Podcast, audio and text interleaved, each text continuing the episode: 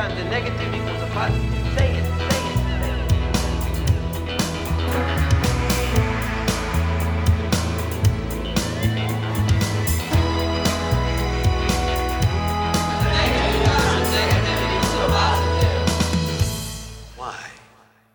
Hej och välkomna till podcasten Anpassa skolan med Jimmy och Cissi.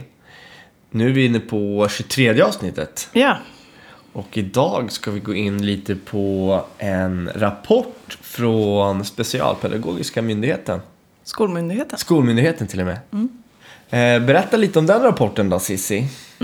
Det var våren 2018 så gjorde myndigheten en undersökning på 20 skolor om trygghet, studiero och motivation för elever med funktionsnedsättning. Och då har de intervjuat 31 elever.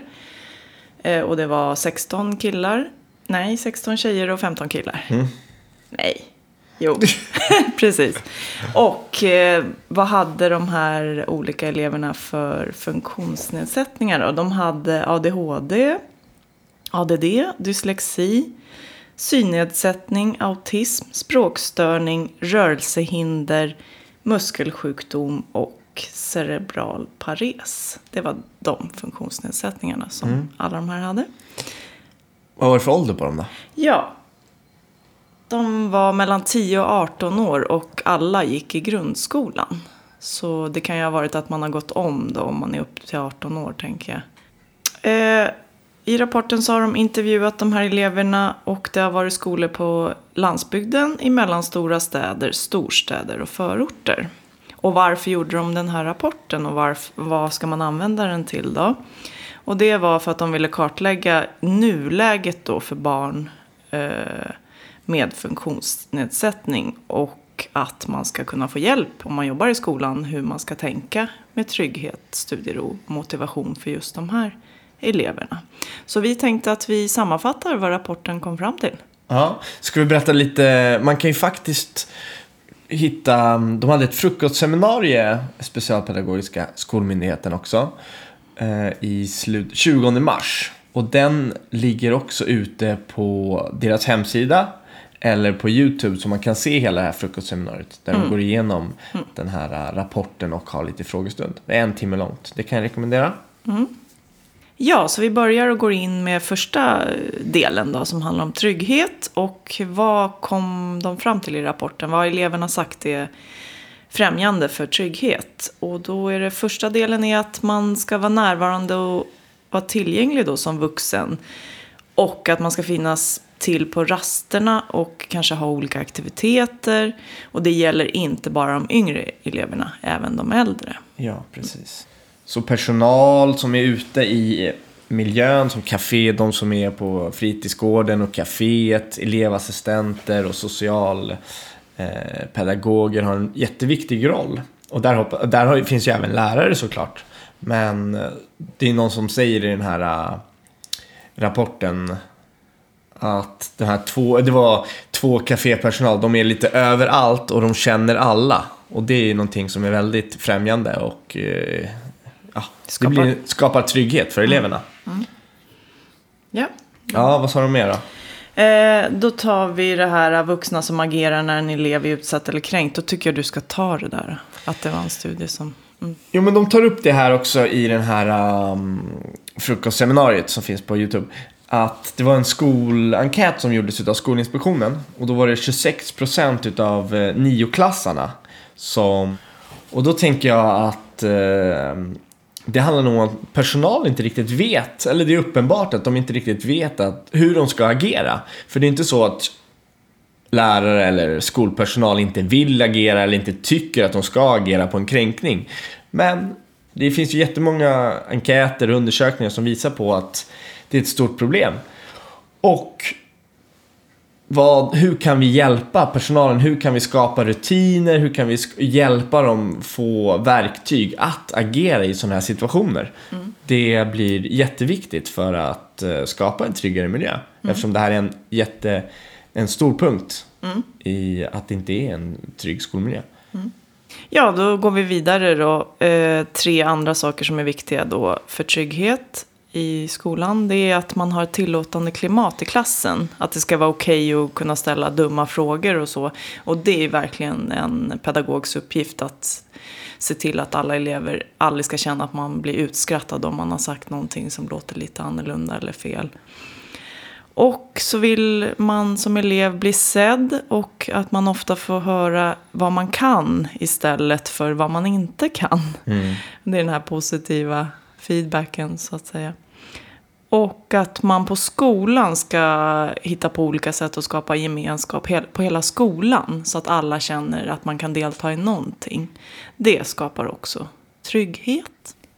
Ja, och det som kom fram i rapporten som är hindrande för trygghet. Det är ju bråk och konflikter och att det är stökig orolig ljudmiljö.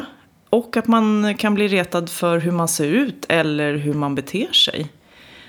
Och sen även att man har en känsla av att man kanske inte har någon vuxen att prata med. Eller att det inte är någon idé att prata med någon vuxen.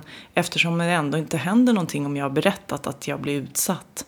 Så då ja, kontaktar man ingen vuxen och då känner man sig mindre trygg. Och inget utav det här är ju, är ju någonting nytt, utan egentligen bekräftar det bara vad vi redan vet och har sett tidigare. Eh, men jag tycker också att det är viktigt att tänka på hur viktig tryggheten är. För att det kan ju leda till att eh, det leder ju till studiemotivation, det leder ju till att man kanske, om man inte känner sig trygg så är det väldigt svårt att komma till skolan. Det kanske är väldigt svårt att koncentrera sig i skolan på lektionerna för att man vet att snart börjar lektionen ta slut. Okej, då är det en rast, då kan man känna sig otrygg och så. Vi pratar mycket idag i dagens skola om och lektioner och vi ska anpassa och det är jätteviktigt. Men utan en trygghet så kommer de här anpassningarna inte... De kanske kommer hjälpa men det kommer inte hjälpa eh, lika mycket. Tryggheten blir nå- någonstans någon typ av grund. Och där pratar de ju jättemycket om att ha vuxna ute i verksamheten. Det trycker de jättehårt på och det är någonting som jag tror att vi i skolan verkligen måste jobba med. Och ni som är lärare, ni som jobbar i skola. Jag vet ju själv hur det är när man har en stressig, när man har en stressig dag. Jag är mycket, mycket mindre ute i verksamheten och pratar med eleverna och så. Eh, förmedla det till era chefer, förmedla det uppåt hela tiden. För att det är på något sätt uh, kärnan. Att skapa den här tryggheten. Absolut, och så vi tänker också, skulle vi göra en sån här rapport över alla skolelever i grundskolan så skulle ju alla de här faktorerna komma fram då med. Det gäller inte bara elever med funktionsnedsättning. Nej, det tror vi verkligen. Då hoppar vi över från trygghet till eh, studiero. Främjande faktorer där då? Mm. Lugn och ro i klassrummet. Mm, det är bra. Ja. Eh, att läraren ska kunna förklara uppgiften tydligt. Och då tänker jag att tydligt är inte för det läraren utan det är ifall eleverna tycker att det är tydligt så är det tydligt.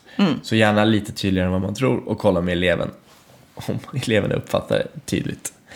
Eh, kortare arbetspass och möjlighet till rörelse. Mm, och det kan ju vara, det behöver inte vara att man har ett gympapass på lektionen. Det kan ju vara, jag har elever som brukar fråga mig så här, nu måste jag gå ut och ta ett par varv i korridoren. Självklart gör det. Ta fem varv så kommer du tillbaka och de kommer alltid tillbaka. För man ser det, det är någon som har det behovet. Att, det, att man tillåter det. Eh, och att det är bra med flexibla lösningar av flera rum och mindre grupper. Och där är det ju många skolor som har något typ av, det kallas oftast studion eller stödrum, ja, något, något liknande sådär. Eh, och det har visat sig vara väldigt uppskattat. Mm, att man har möjlighet att gå någon annanstans när man behöver det.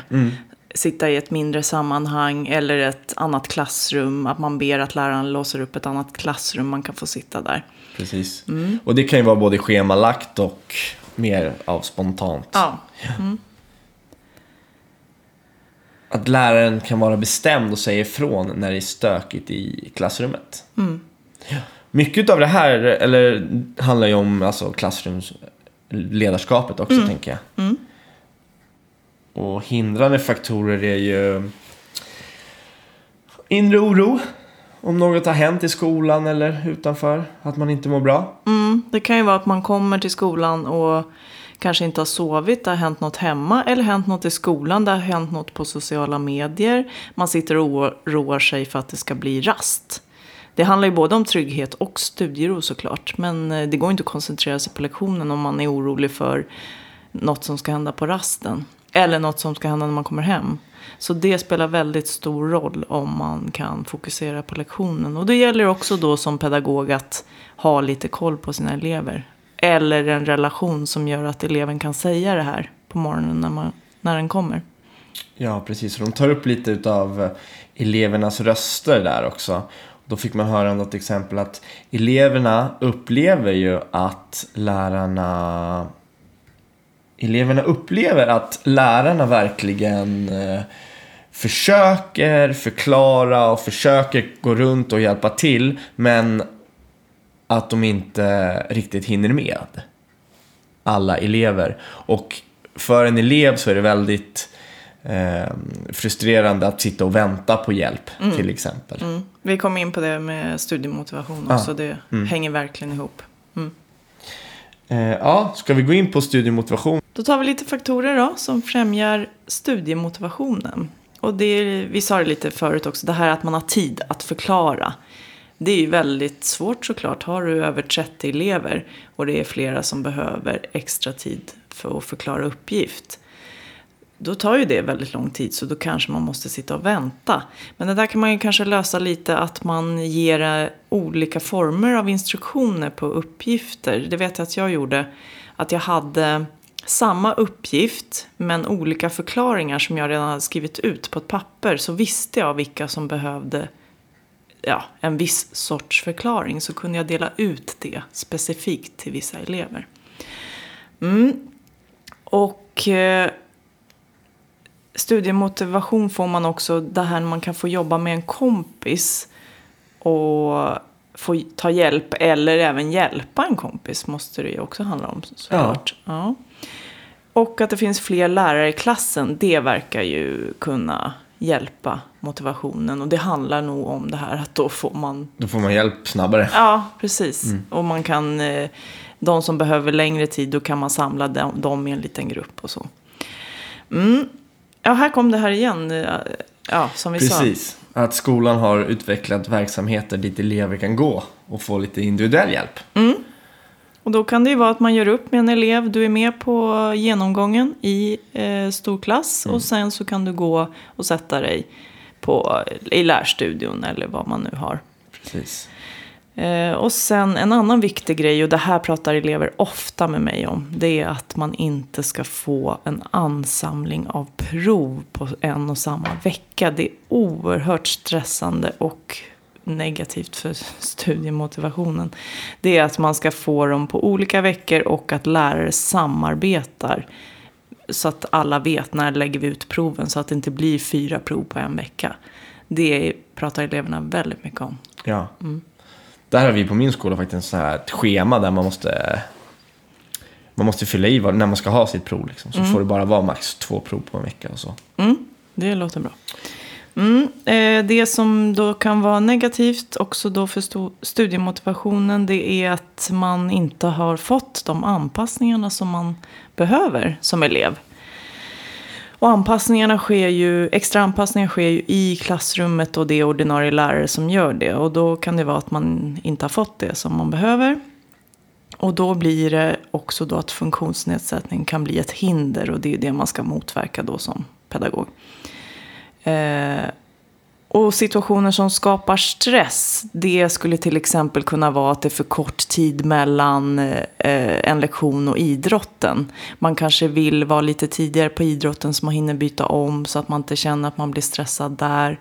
Sådana saker tänker jag är stressande. Ja, också kanske när man känner att det går för snabbt fram. Kanske. Ja, just Sånt det. kan också vara mm. stressande.